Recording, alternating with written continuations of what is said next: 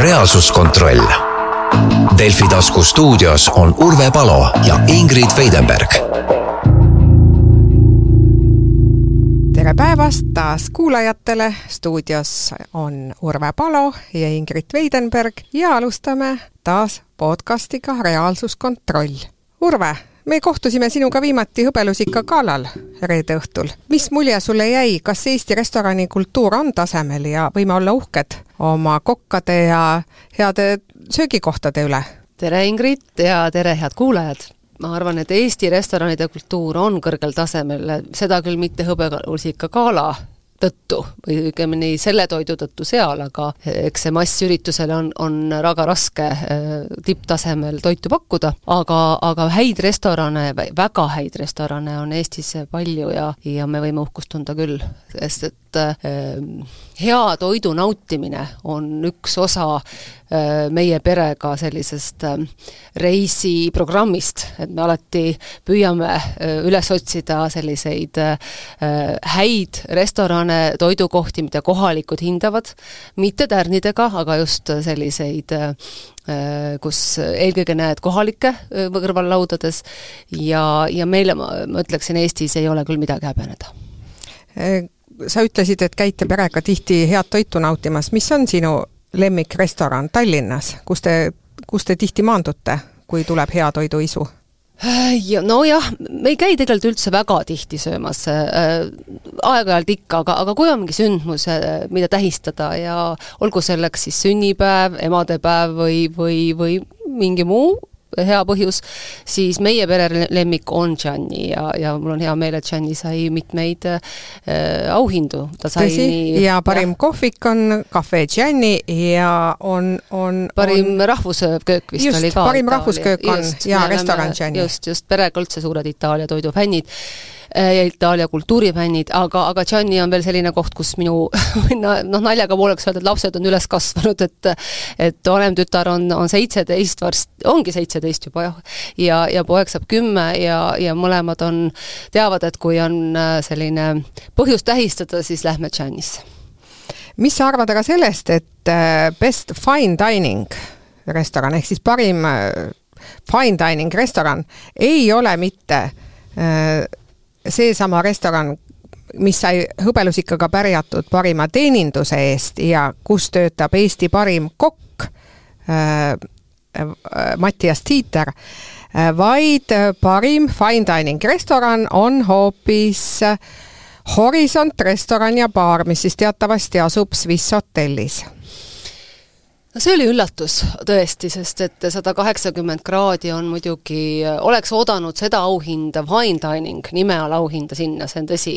jah, see on väga eksklusiivne koht ja, ja ja noh, nüüd ka tärniga pärjatud äh,, aga kui objekt, ma, ma, muidugi ma ei ole, mul on väga keeruline objektiivselt hinnata, sest ma ei tea üldse, kuidas objektiivselt see hindamine käib aga, aga minu isiklik arvamus on võrreldes, et siin ei ole minu arust üldse võimalik võrrelda et, et loomulikult äh, sada kaheksakümmend kraadi minu arvates on parem ja see oli üllatus, et ku-, kust nüüd järsku selline ja, otsus. see, see üllatas ja. enamikku kohalviibijatest, et nii palju, kui ma seal äh, ringi liikudes küsisin ja uurisin, siis inimesed olid väga imestunud, et Mattias Tiiteri juhtimisel äh, restoran Tallinnas äh, sada kaheksakümmend kraadi ei saanud parima restorani, parima fine dining restorani. just selle nime, just see nimi noh, kuulub justkui, justkui kokku selle ja. restoraniga, see on jah, aga ma, ma kuulsin seda, et neid hindajaid, kes siis äh, hindami-, noh, hindamas käisid restorane, et neid oli ikkagi vist äh,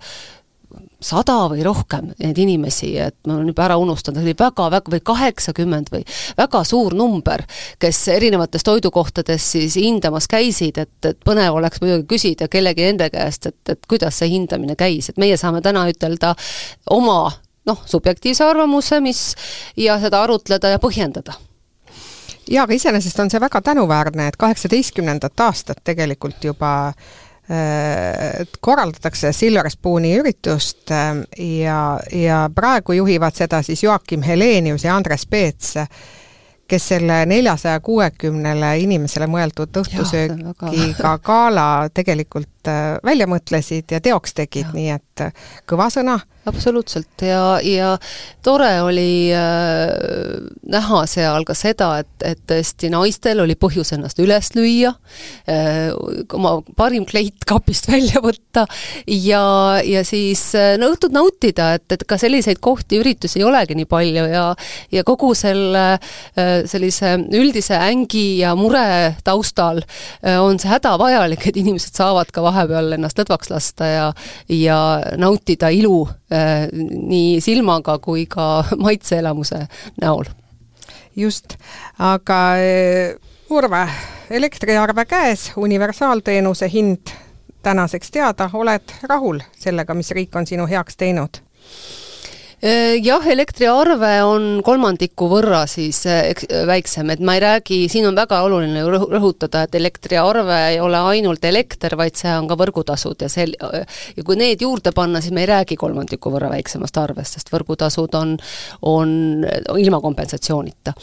aga elekter puhtalt on kolmandiku võrra ja loomulikult on see parem ju kui äh, mitte midagi, et siin ei ole üldse küsimustki, noh, elektri hind sellest elektriarve sel-, sellele vaatamata on ju kordades kõrgem kui enne. äh, äh, neid mitmekordseid või kolmekordseid hinnatõusu, tõuse.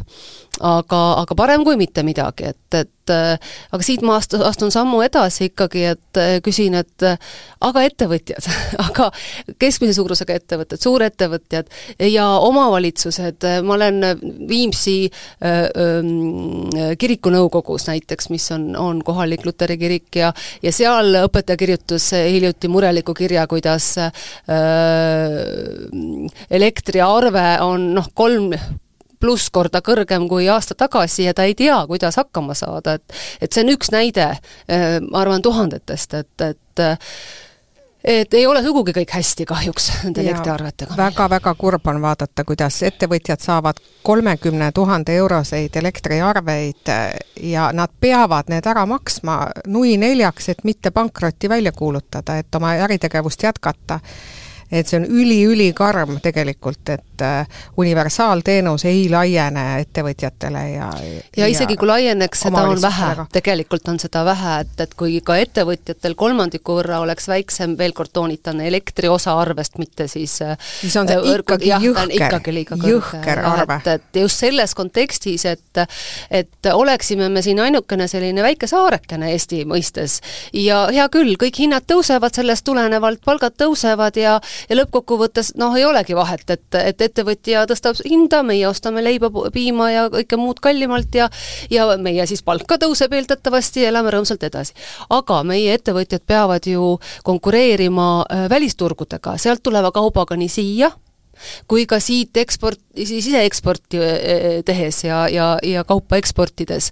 ja vot, siin on see Laare lugu, et ümberringi ju riigid toetavad oma ettevõtjaid ja, ja, ja siis on ebavõrdne konkurents see, mis sunnibki koondama ja koomale tõmbama ja, ja eestlasi ka kohalikke eelistama juba välismaist, et me hiljuti lugesin, et Lidli, Lidli, äh, Lidl on oma turuosa väga lühikese ajaga kõvasti tõstnud, vist kaheksa protsenti juba, arvestades, et alles avasid, et Äh, sealt suures osas ostetakse ikkagi ju välismaist kaupa ja, ja, ja inimene on järjest hinnatundlikum. ja sealt tuleb see odavamalt sisse. aga eile nägin mina väga äh, meeleolukat lõiku Ringvaate saates ja sellest kirjutas ka eilne Eesti Päevaleht, et mm, superministeerium mm, on tulnud välja siis tõelise pakasuhaga nad on langetanud äh, temperatuuri ruumides kahekümne kahelt kraadilt kahekümnele kraadile ehk siis kaks kraadi vähem.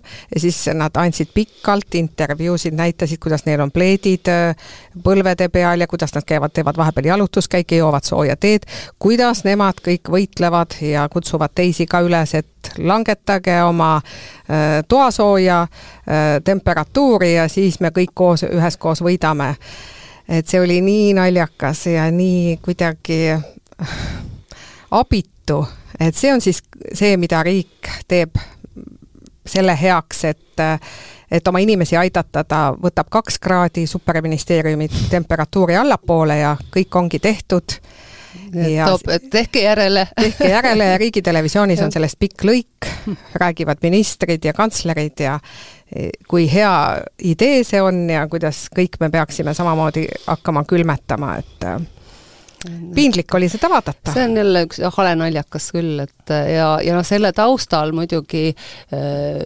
uudis, mis äh, hiljaaegu käis ka ajakirjandusest läbi, et, et Soome töö- ja majandusministeeriumi energeetikaosakonna juhataja ütleb, et gaasi eelisostuõiguse saamiseks LNG terminalis peaks Eesti omama terminalis osaluse, noh, rääkides energeetikast ähm, vot miks ma selle jutuks võtan, me oleme nii palju energeetikast rääkinud ja kohati on ise juba ei, ei taha sellest rohkem rääkida, aga äh, no ei saa kuidagi üle ümber, sest see teema on endiselt laual ja nagu ma olen maininud, äh, mulle ei meeldi, kui asjadest ei räägita nii, nagu need on, või hämatakse, noh, suisa valetatakse ja ja, ja ma ei tea, mille alla käib see praegu, aga, aga me mäletame, see oli ju mõned nädalad tagasi, kui kui ministrid ja, ja mm, amet ametnikud rääkisid, et see, et meil ei ole LNG ter terminali või laeva siin enda sadamas, et sellest ei ole midagi, et soomlastega on meil kokkulepe või kui veel ei ole, siis kohe saab olema, kuidas meie ettevõtjad ja riik saame sealt eelisseisus, ärge muretsege. ja, ja siis, kes muretsesid, need natuke ka naeruvääristati, et no mis valget laeva te siia tahate. no nüüd, nüüd on selge, et, et ei saa eelisõigust, Euroopa Liidu reeglid seda ei luba, eelisõiguse saab ainult siis, kui omandada seal osalus, samal ajal Eesti riik on otsustanud, et, et et selles terminalis, mis siin siis Soome kalda peal, LNG terminalis Eesti riik oma osalust ei omanda ja ütleb, et, et meie oleme oma töö sellega teinud, et meil on olemas siis oma vastuvõtuvõimekus siin, mis tegelikult antud juhul ei puutu üldse asjasse paraku.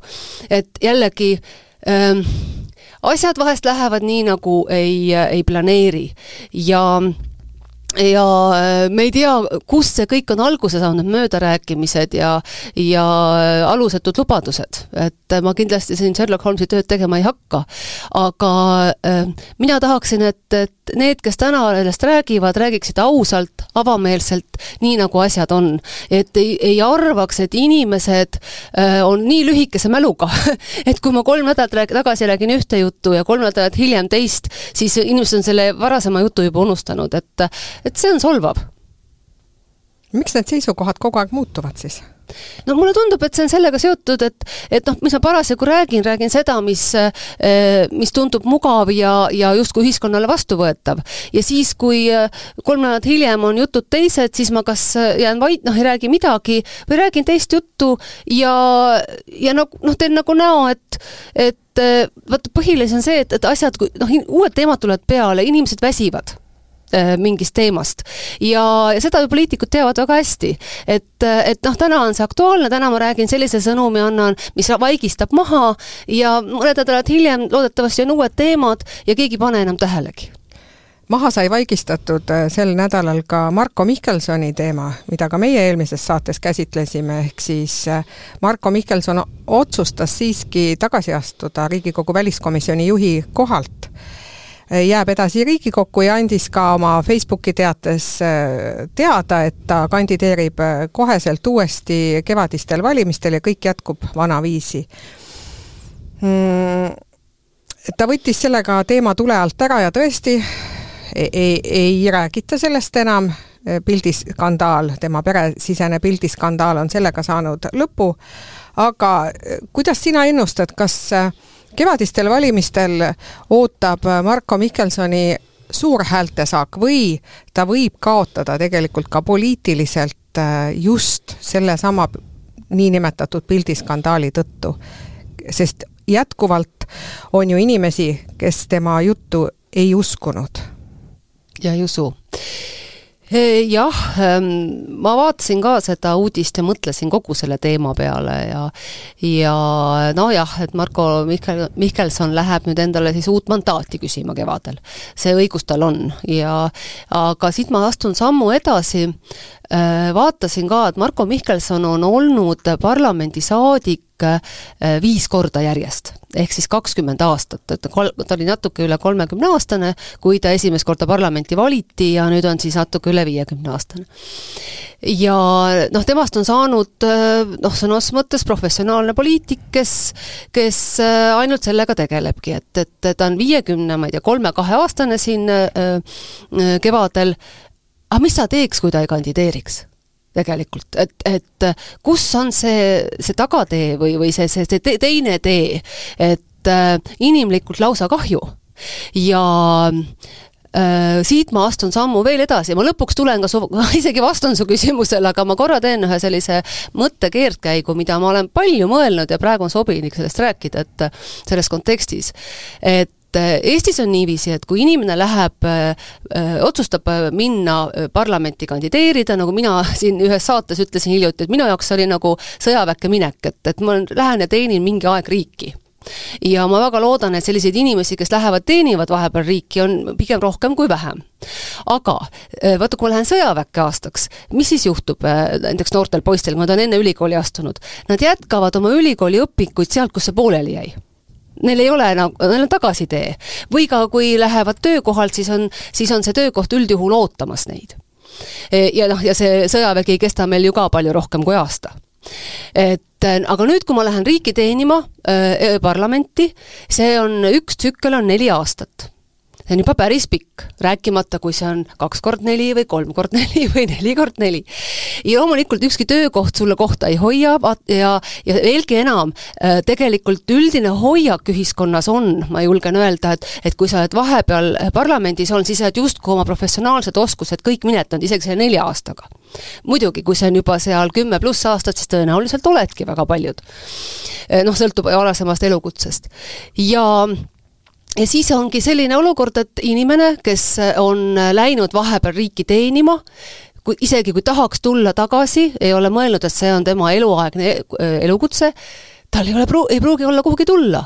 ja, ja, ja mis sellele järgneb, on see, et, et sa hakkad kandideerima sellepärast, et see ei ole enam sinu vaba valik vaid see on elu ja surma küsimus. Et sa ei taha ju elustandardis ka alla anda, äh, kuhu sa siis lähed, noh, lihtsalt kuhugi lihttöö peale. Alati saab, aga sinna ju noh, ei kiputa minema. Ja mis on ka aru saada, sa tahad ikkagi oma professiooniga öö, äh, jätkata, mida ei pruugi saada, et ainult üksikud elukutsed on sellised, kus sa saad, noh näiteks ma häid näiteid avastasin, on, on näiteks teadlane, kui sa oled olnud sotsiaalteadlane ja, ja oled mõnda aega äh, parlamendis, siis sa võid oma teadustööd edasi teha, üks hea näide on Marju Lauristin, kes on, kes on nii poliitikuna kui ka teadlasena noh, vahelduva eduga kogu aeg äh, väga edukalt hakkama saanud, et, et žongleerinud.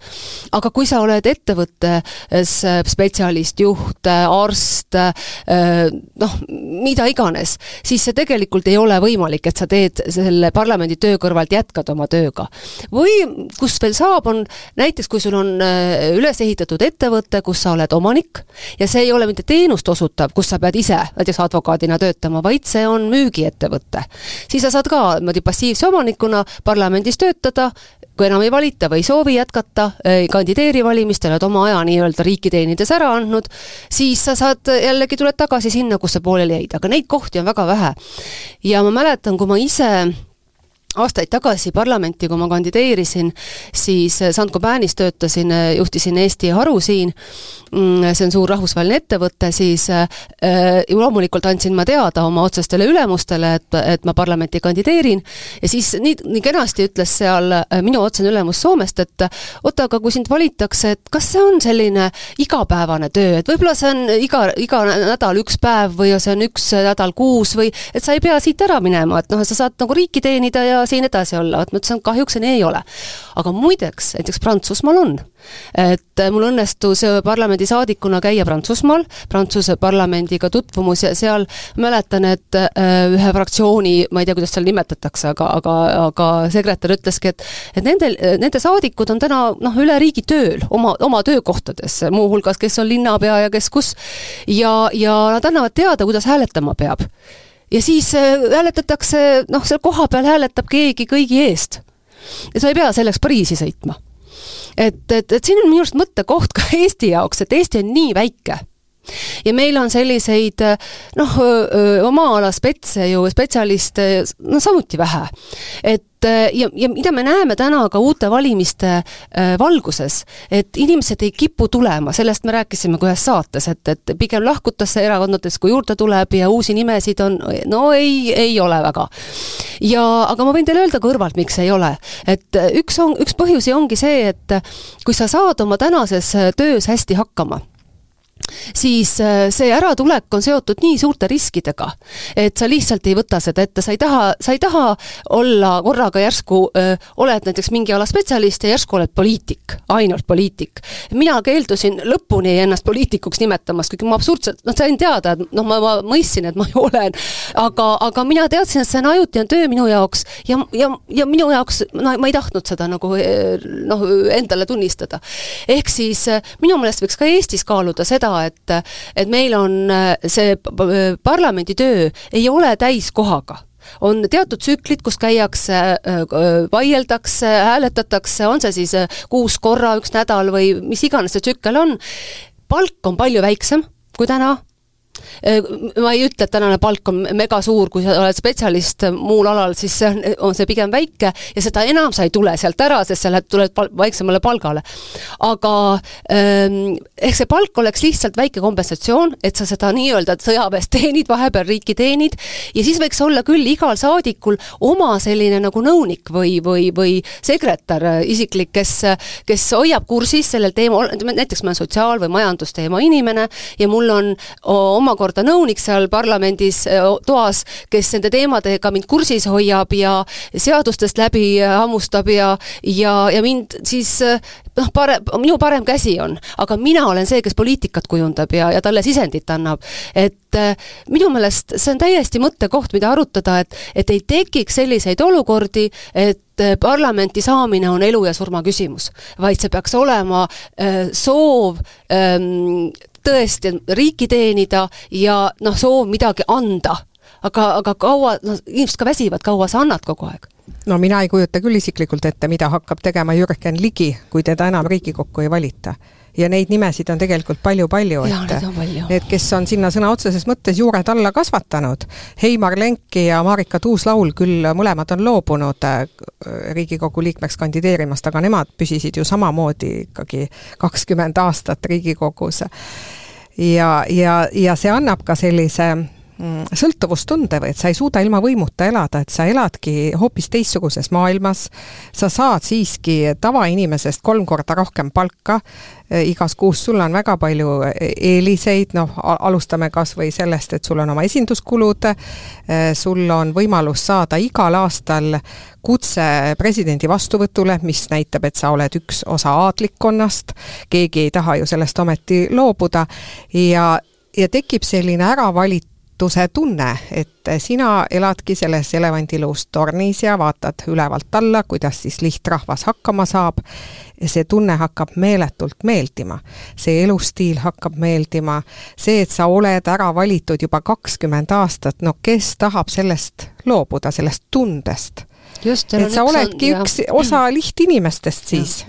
üks on see võimu äh, jah, selline tunnetus või et, et sa oled kogu aeg informatsiooni sees ja see, see võõrutusnähud ei ole üldse lihtsad, ma tean omast käest, kui ma küll täiesti vabatahtlikult poliitikast loobusin, sest et veel kord, mul, minu pikk plaan seda ette ei näinud, siis äh, see ei ole lihtne esimesed aastad, kus sa saad aru, et, et sa ei äh, sa ei olegi selle, kogu selle info sees ja otsuste, otsustamise juures, et et see ei ole, see ei ole üldse lihtne, et see, see nõuab sellist eraldi tööd äh, iseendaga ja, ja aga see kõik on seda väärt, ma tunnistan, et, et ähm, aga jah, et, et kõik ei võta seda ette.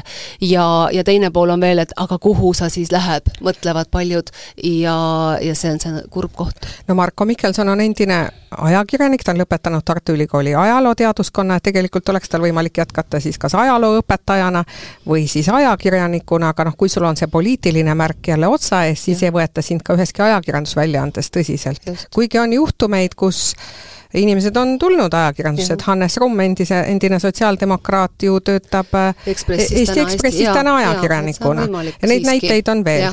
Et tegelikult oleks ta naasmise kohta küll, aga loomulikult hoopis teistsuguse sissetulekuga, ehk siis vähema sissetulekuga, hoopis teistsuguse võimuhaardega, hoopis teistsuguse au tasemega, et Jah. aga ja ikkagi, kui mul oleks võimalik, noh, inimesel on võimalik säilit-, töötada edasi oma tänasel töökohal, kokkuleppel loomulikult selle juhi või omanikuga, see on ka ettevõttele või organisatsioonile tegelikult auasi, kui, kui neil on ka parlamendiliige nii-öelda seltskonnas, kes aga see ei saa olla nii, nagu täna on igapäevane töö, siis muidugi keegi ei pea. et see ikkagi tooks ka selliseid ähm, noh, inimesi, kes päriselt tahavad midagi anda, neil on anda, nad ei ole veel sellest väsinud, kõik väsivad, nagu ma ütlesin, ja, ja siis nad on näiteks neli aastat ja siis tulevad ja siis jälle vahetub, et et ei ole ühed ja samad, sest see ei ole nende jaoks kas valiti või mitte elu ja surma küsimus, et et ähm, midagi minu arvates äh, oleks vaja siin selles süsteemis muuta ja kui me vaatame seda äh, noh, keda valitakse, kes parlamendis on, siis ähm, ja võrdleme Eesti algusaegadega, siis äh, no aina kehvemaks need nimekirjad jäävad tõesti, et, et kevadeni on ju suhteliselt vähe aega ja kui me vaatame, kes ja kui vähesed on liitunud ja me ei näe seal võimsaid häid nimesid, kes suudaksid tõepoolest midagi muuta või saaksid nad majandusest aru, ja muuta,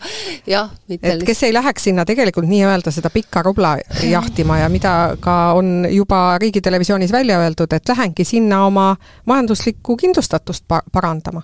tegelikult peaks olema see va-, noh, pigem vastupidi, et sa lähed kas madalamale palgale või vähemalt sama või et see, see, see palgatase, palk ei peaks olema see motivaator, sest see tõesti on vale koha peal siis, selles ametis no näeme seda siis kevadel, neid kõhnu, kõhne nimekirju, et ke, kelle hulgast me siis peame hakkama valima seda õiget ja ainust, kelle aga nime taha rist panna. just vastus sinu küsimusele, et kas ta saab rohkem või vähem hääli.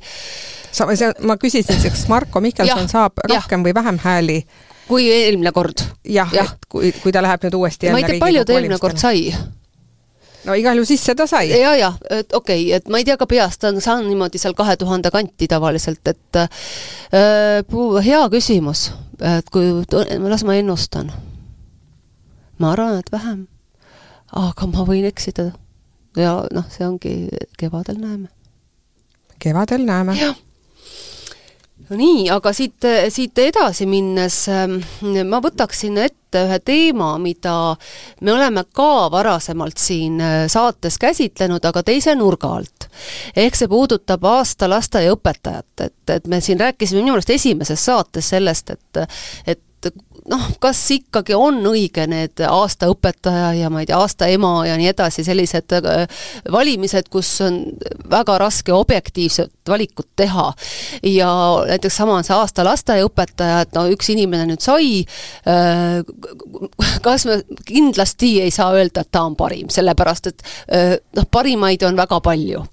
ja, ja eelmine kord me ei läinud sellesse vestlusesse, et, et see, kes valiti, osutus inimeseks, kes on kakskümmend kaks aastat Eesti seadusi rikkunud, et, et ehk siis lasteaiaõpetaja ähm, on, on lasteaias töötanud kakskümmend kaks aastat, täna umbes seal neljakümne kandis olev naisterahvas, kes tõenäoliselt oma igapäevast tööd lastega teeb väga hästi, ma seda, selles ei kahtle. et aga, kes riigikeelt ei, ei oska ja, ja isegi nii palju mitte, et, et oleks oma tänukõne saanud eesti keeles öelda, ta, ma lugesin, kus ta kirjutaski, et tal läks närv mustaks ja ta oli eesti keeles küll ette valmistanud, kirjalikult ta ei suutnud seda maha lugeda. no jah, et komisjon, ma tuletan sulle meelde, komisjoni esimees oli kultuuriminister Tõnis ja. Lukas isiklikult. Ja see on eriti kurioosne, arvestades, et Isamaa, Isamaa minister, kes väga palju keelele on ju sõnades tähelepanu pööranud, et ja, ja kui tema ütleb, et tema ei vastuta selle valiku eest, siis ma, aga kes siis vastutab, et, et kui, kui komisjoni esimees ei vastuta. aga siit, siit noh, see on veel, see on üks küsimus.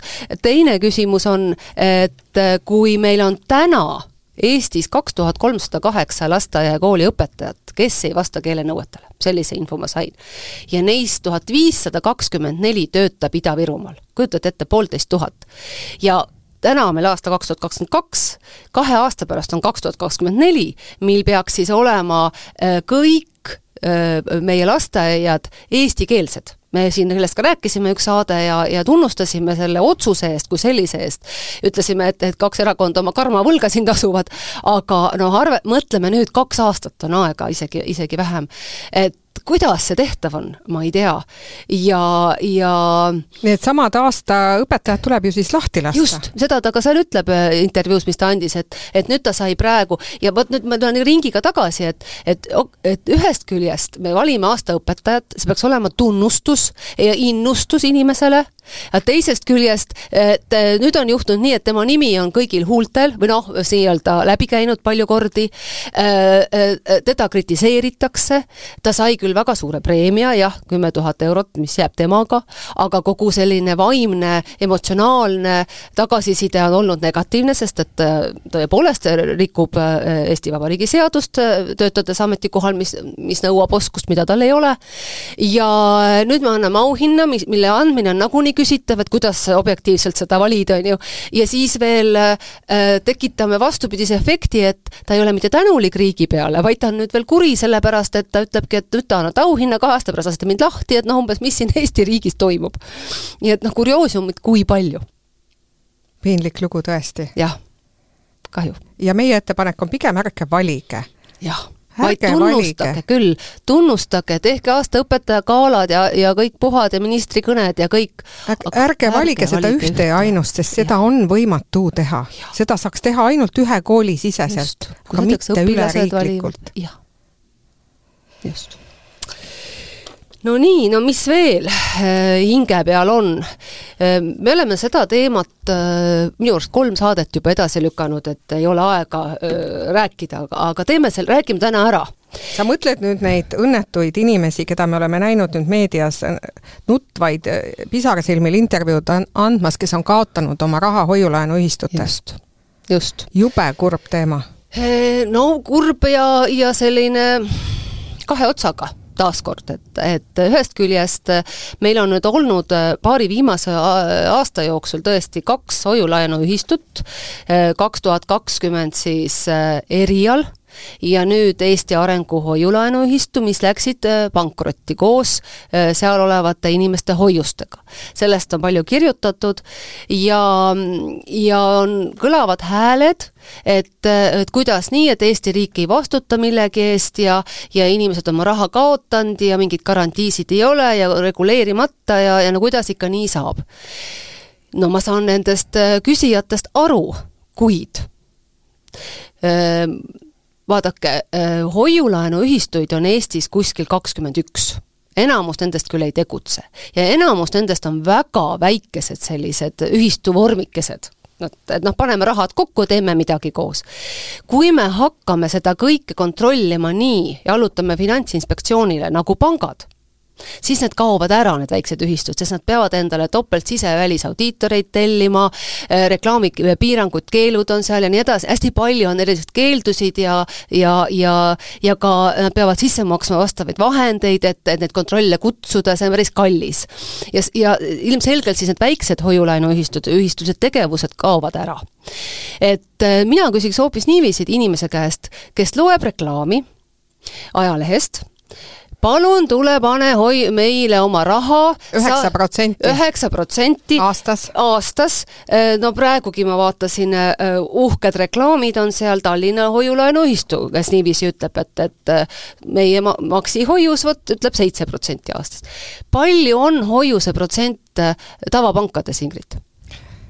Kas vahepeal ei olnud üldse? jah, oli negatiivne lausa. oli negatiivne, sa pidid peale hoida. maksma, et, et, et sinu raha seal hoitaks, siis ja. pank võttis selle eest sinu käest raha, et Just. vaata, ma olen sulle praegu teene teinud, et ja. ma hoian sinu raha. jah, sa ei pea madratsi all hoidma, jah. aga noh, ta ongi seal noh, minimaalne ma ka hetkel ei tea, protsendikene ta seal kuskil on, eks. noh jah, protsent on juba väga hästi ja see on väga hästi.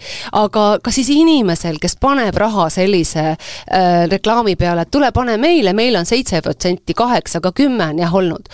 et kas tuluke ei hakka põlema tuut-tuut-tuut, et see, see on nagu natuke kasiinos mängimine, et, et, et ei saa olla nii, et, et kõik võidavad. et kui mina panen raha ka kasiinosse, kiirla-, kiir-, need on need igasugused online kasiinod ja ma kaotan, ma ei pöördu riigi poole, et kuule, aga ma ei võitnudki. sa pead mulle nüüd raha tagasi maksma, sa tead, et sa lähed riskima, aga tegelikult on, mina väidan, hoiu-laenuühistutega sama lugu, et kui sulle pakutakse kümme korda kõrgemat intressi, siis sa, sa, sa pead mõistma, et seal on ka kümme korda, kui mitte rohkem, kõrgemad äh, riskid. Et sa ise võtad selle vastutuse? sa võtad selle vastutuse, jah, et, et ja lähedki riski peale? kaotad siiski, see raha oligi üle ja, järelikult, kaotan siis kaotan. ja, ja nad on loomulikult ka, paljud on nende aastate jooksul ka neid intresse saanud ja nii edasi, et, et noh, praegu sain, ma ei tea, kas järgmine aasta saan, aga ma mängin nii-öelda eh, riskin edasi et noh, see on nagu kahe otsaga. aga väga kurb oli lugeda Äripäevast lugu, kuidas üks äh, arst äh, oli pannud siis pankrotti läinud ühistusse, äh, hoiulaenuühistusse kakssada tuhat eurot ja kaotas kõigepealt närvid, siis raha ja lõpuks tappis iseenda. et kas see kõik on seda väärt, et, et, et seda suurt protsenti ja kasumit minna taotlema ja siis kaotada kõige lõpuks ka oma elu et kuna see närvid lihtsalt inimestel ei pea vastu, et praegu vaadates ka on ju, enamik on ju vanemapoolsed inimesed, kes on sinna oma säästud pannud. ja kui kurb on vaadata, et nad on kaotanud oma kirsturaha, oma matuseraha, nad on lootnud, et, et see raha kasvab, sest seda on neile lubatud, nad on heauskselt sinna läinud ja neile on lihtsalt müts pähe tõmmatud ja noh, reklaamitakse ju mõõdutundetult ka neid et, et siin kaks tuntud öö, äh, ühiskonnategelast, ma ei hakka nimesid nimetama, reklaamivad praegugi seda öö, äh, Tallinna hoiulaenuühistut et äh, usaldusväärsed inimesed, nii edasi, ja ma arvan, ega nemad ei tahagi halba, nemad on nii-öelda kinni no, makstud. on makstud, jah. jah ja,, aga see, on see siis eakas või, või muu inim-, noh, muu noh, kes usub, et see ongi see parim viis raha kasvatada, noh, veel kord, peaks aru saama, kui lubatakse midagi nii mai, mai, magusat, siis äh, sellega on seotud ka väga kõrged riskid, et, et, et ja, ja noh, aga, aga siia juurde üks teema, mis, mis, äh, mis on ka tulnud välja tänu sellele hoiulaenuühistute teemale, et on see Finantsinspektsiooni roll üleüldiselt. ja mind väga puudutas, kui Finantsinspektsiooni juht Kilvar Kessler äh, ütles niiviisi, et nad seletas ka ära, miks täna hoiulaenuühistud ei, ei ole nende all, all, hoiulaenuühistutes muideks on umbes sada tuhat eurot, eurot, nemad valvavad äh, kuskil ähm, seitseteist miljardit, mis on läbi pankade, et noh, see näitab, kui väike osa on hoiulaenuühistutel, aga inimeste raha on muidugi iga sent on oluline. ühesõnaga, et ta rääkis, et, et aga mis sellest valvamisest üldse kasu on kui meie ähm, äh, trahvid, mida äh, võib teha Finantsinspektsioon pankadele, kellel on ju miljonilised kasumid, äh, on nii väikesed, ta tõigi, et noh, üldjuhul on see maksimum kolmkümmend kaks tuhat eurot, mida võib määrata. Üksikutel juhtudel teatud tingimustes kuni nelisada tuhat, aga kui see äh, mitte reeglite täitmisest tulenev kasu on miljonites saad aru, siis eh, mis ma maksan, ma pigem ei täida, saan oma kolmkümmend kaks tuhat trahvi ja saan miljoneid kasumit. et ja ta imestabki, et ei saa aru, kui, kui Finantsinspektsioon on juba aastast kaks tuhat neli teinud ettepanekuid, et noh, et tõstame trahve. et, et midagi ei ole juhtunud ja ta ütleb isegi lausa sellise lause, et ta ei tea ühtegi teist Euroopa riiki, kus käi-, käitutakse finantsmaailma pättidega nii leebelt kui Eestis. ja siia veel lisaks ütles, et mis on veel probleem Eestis et aegumistähtajad sellest hetkest, kui siis väärtegu äh, to-, äh, toime pandi, äh, see kahe aasta pärast on ta aegunud. Kaks aastat, aga ta ütles, et sageli kaks aastat on just see aeg, kus üldse asjad hakkavad välja tulema nii et minul ei ole ka siin vastust, ma ei ole ise äh, finant-, ma ei ole Rahandusministeeriumis töötanud ega, ega Rahanduskomisjonis ja, ja mul ei ole siin äh,, ma ei oska kuidagi riiki kaitsta, et et miks, miks see tõesti nii on, et mul on samad küsimused õhus ja kodanikuna see kohe mulle üldse ei meeldi. -hmm. Need küsimused. nii et meie soovitus on, ärge pange oma raha äh, sellistesse kohtadesse, kus teile lubatakse ebanormaalselt suurt ja. protsenti kasumit. jah, kus see, peaks hakkama tuluke põlema. jah, et see ei saa olla loogiline, et teilt tahetakse igal juhul nahka üle kõrvade tõmmata. midagi ei ole niisama, ei tule niisama. jah, nii et paraku. parem hoida sukas ääres. jah, madratsi all et no nii, mis veel? eelmises saates ma lubasin välja, et äh, räägime sellest, kuidas on võimalik Eesti Vabariigis saa, saada abi, kui on vaimse tervise probleem. me kuuleme igapäevaselt, ka eile oli Eesti Televisioonis saade Siin me oleme, kust vägagi käis läbi vaimse tervise teema, et noored on väga hädas oma vaimse tervisega ja nad ei saa kuskilt abi või no kui saavad, siis viivisega ja nii edasi, aga et äh, tõesti, me räägime üha sagedamini sellest, kuidas meie noored on depressioonis, mitte ainult noored, vaid ka täiskasvanud, depressioon on juba peaaegu et äh, omandanud epideemia mõõtmed. Äh, ja mida siis teha või kuidas saada abi? ja minul endal on siin üks näide ka ühest abi saamisest, et, et, et kui, et kui inimene soovib minna psühholoogi vastuvõtule, noh, ma ei räägi siin üldse psühhiaatriast, sest see on, see on täiesti mission impossible äh,. Siis äh, hakkad, hakkab see inimene läbi helistama kõikvõimalikke telefone, mis siis doktor Google talle ette annab, kust saada abi, kui sa tunned, et sa ei saa enam iseendaga hakkama või et sa vajad äh, professionaali nõu, kuidas jätkata siis näiteks ühest äh, Eesti kliinikust äh, saabus sellele inimesele selline teade, mis on tavaline ja, ja seda võib siis laiendada kõikidele Eesti kliinikutele. kahjuks ei registreeri me hetkel uusi kliente. tasulisi kliente hakkame taas registreerima teisel jaanuaril järgmisel aastal ja pakume aegu vastavalt võimalustele ja ravijärjekorra pikkusele.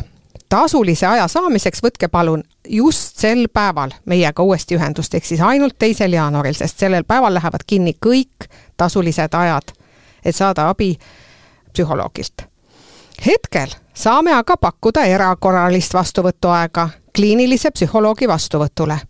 erakorralise vastuvõtu hind on sada seitsekümmend eurot ja visiit toimub väljaspool spetsialisti tavatööaega aga soovitame teil uurida ka alternatiivseid võimalusi, siis on pandud siis Marienthali kliinik, Ülemiste psühhiaatriakeskus, Catrito kliinik ja, ja noh, kui ikka väga asi hull on, siis pöörduge otse psühhiaatria kliiniku erakorralisse vastuvõttu.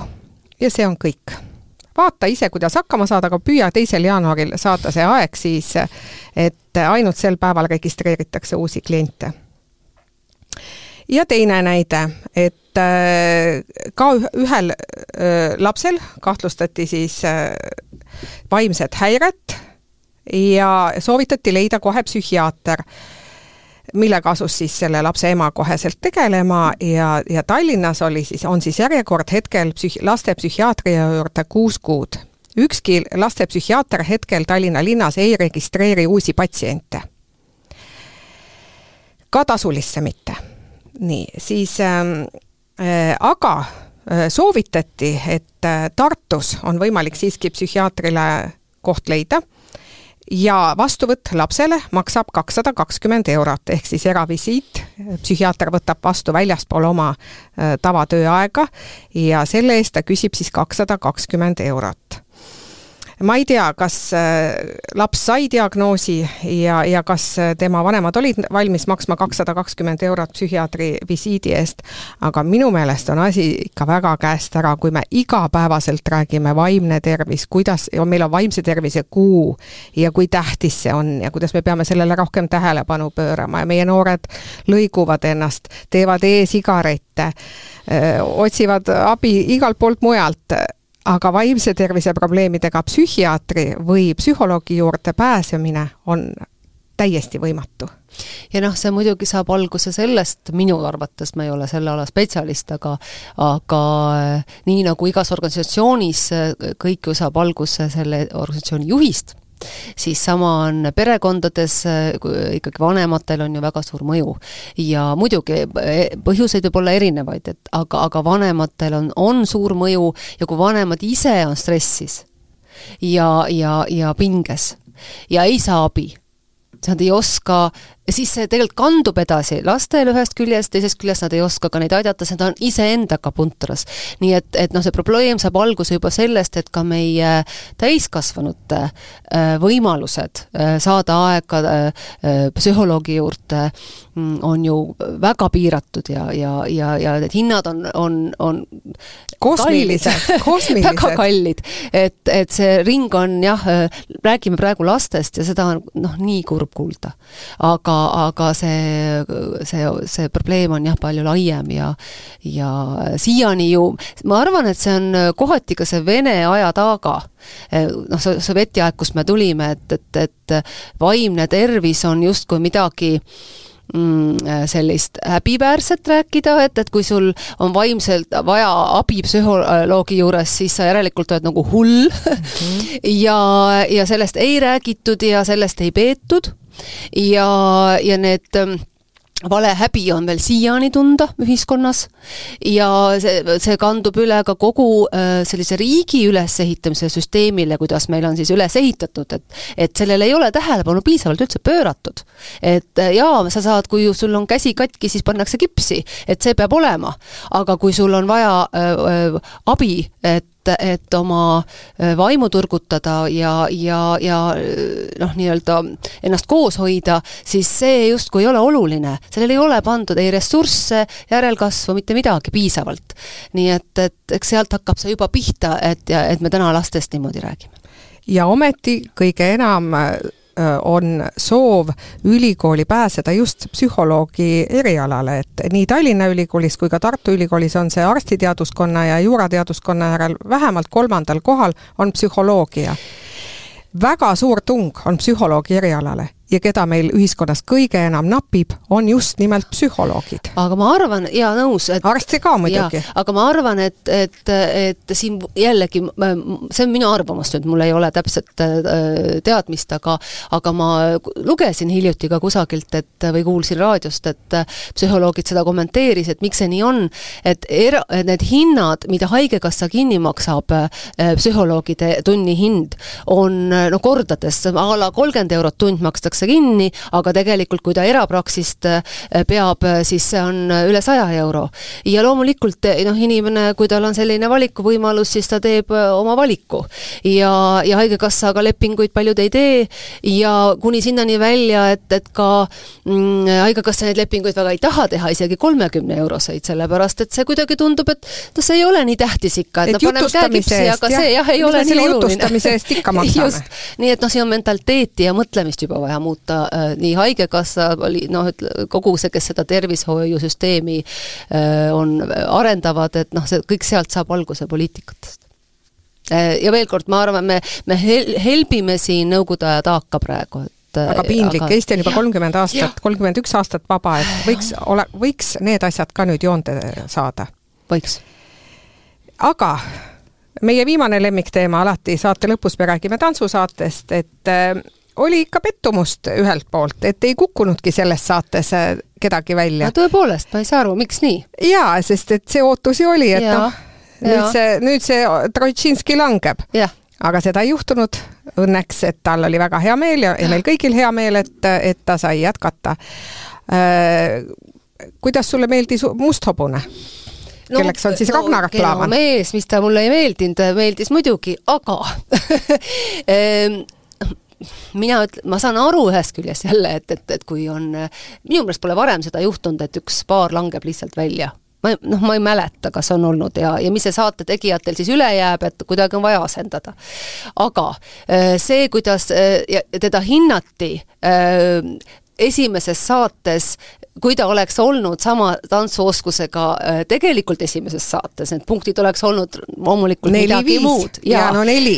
no neli, jah. aga nüüd ta nüüd sai seitse. jah, et äh, noh, see, ma ei tea, kui õiglane see teiste suhtes on, aga nagu öeldakse, elu ei peagi õiglane olema, et eks see üks show saade ju on, aga aga, aga see, noh, see oli natukene selline okei okay, küsitav minu jaoks ja ja mis, mis me sellest saatest veel suure näeme? üllatusena mängiti ja. välja ka Kerli Padari ja, ja., ja Martin Parmase abiellumine paar päeva varem siis ja mis tehti teatavaks suurejoonelise video- ja tantsusaatel äh, Tantsud tähtedega saates. palju õnne palju õnne muidugi, aga palju õnne muidugi, aga, aga mina ei saa aru, kus siin see üllatuskoht on, sellepärast et et inimesed on nii kaua koos olnud, neil on äh, ühine laps või kaks, üks vist ja, on jah? üks ja. ühine, jah. ja, ja no tõesti viisteist aastat, mis on koos oldud, mina, kuusteist, mina arvasin, et on ammu abielus, et äh, mis üllatus see nüüd on siis, et nüüd abielluti, no ma ütleksin, oli ammu aeg, et lähme edasi. Et üllatusmomenti siin minu arust küll ei olnud, et seda vahtu selle ümber oli küll, tuleb midagi väga põrutavat, no halloo, ma ütleks selle peale et ma naeran, et no siis lõpuks ometi sai katseaeg läbi, et, et, et oli siis aeg ära abielluda. aga nojah, eks show must go on. aga sellega meie tänane saade ka lõpeb ja öö, mõtisklege kaasa, aidake meid teemadega, kui teil on äh, ettepanekuid, mis on Eestis hästi või mis on halvasti, siis saatke need minu meiliaadressile ingrid.veidenberg.kroonika.ee ja me oleme teile tänulik, me käsitleme neid äh, teemasid järgmises saates. seniks aga soovime teile äh, toasooja ja leidke ikka igas päevas üks rosin, mille üle rõõmu tunda, sest et ilma, head ilma ei lubata veel niipea, et, et see rosin tuleb ise selles hallis, hallis äh, taevas üles leida. pidage vastu ja kuulmiseni juba järgmisel nädalal. kõike head! kõike head! reaalsuskontroll Delfi tasku stuudios on Urve Palo ja Ingrid Veidenberg